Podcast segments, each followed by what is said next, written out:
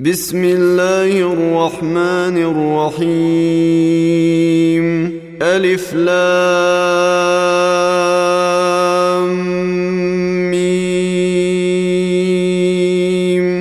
تلك آيات الكتاب الحكيم. هدى ورحمة للمحسنين. الذين يقيمون الصلاة ويؤتون الزكاة وهم بالآخرة هم يوقنون. أولئك على هدى من ربهم وأولئك هم المفلحون.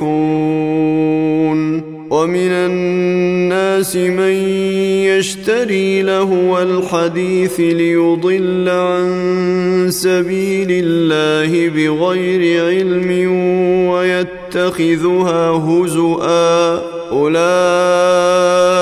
لهم عذاب مهين.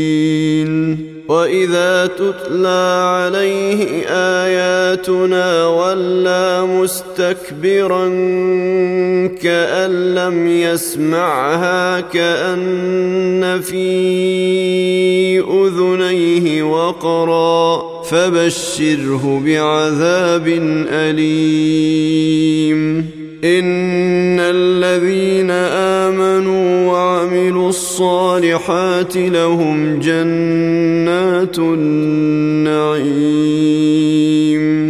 خالدين فيها وعد الله حقا وهو العزيز الحكيم خلق السماوات بغير عمد ترونها وألقى في الأرض رواسي أن تميد بكم وبث فيها وبث فيها من كل دابة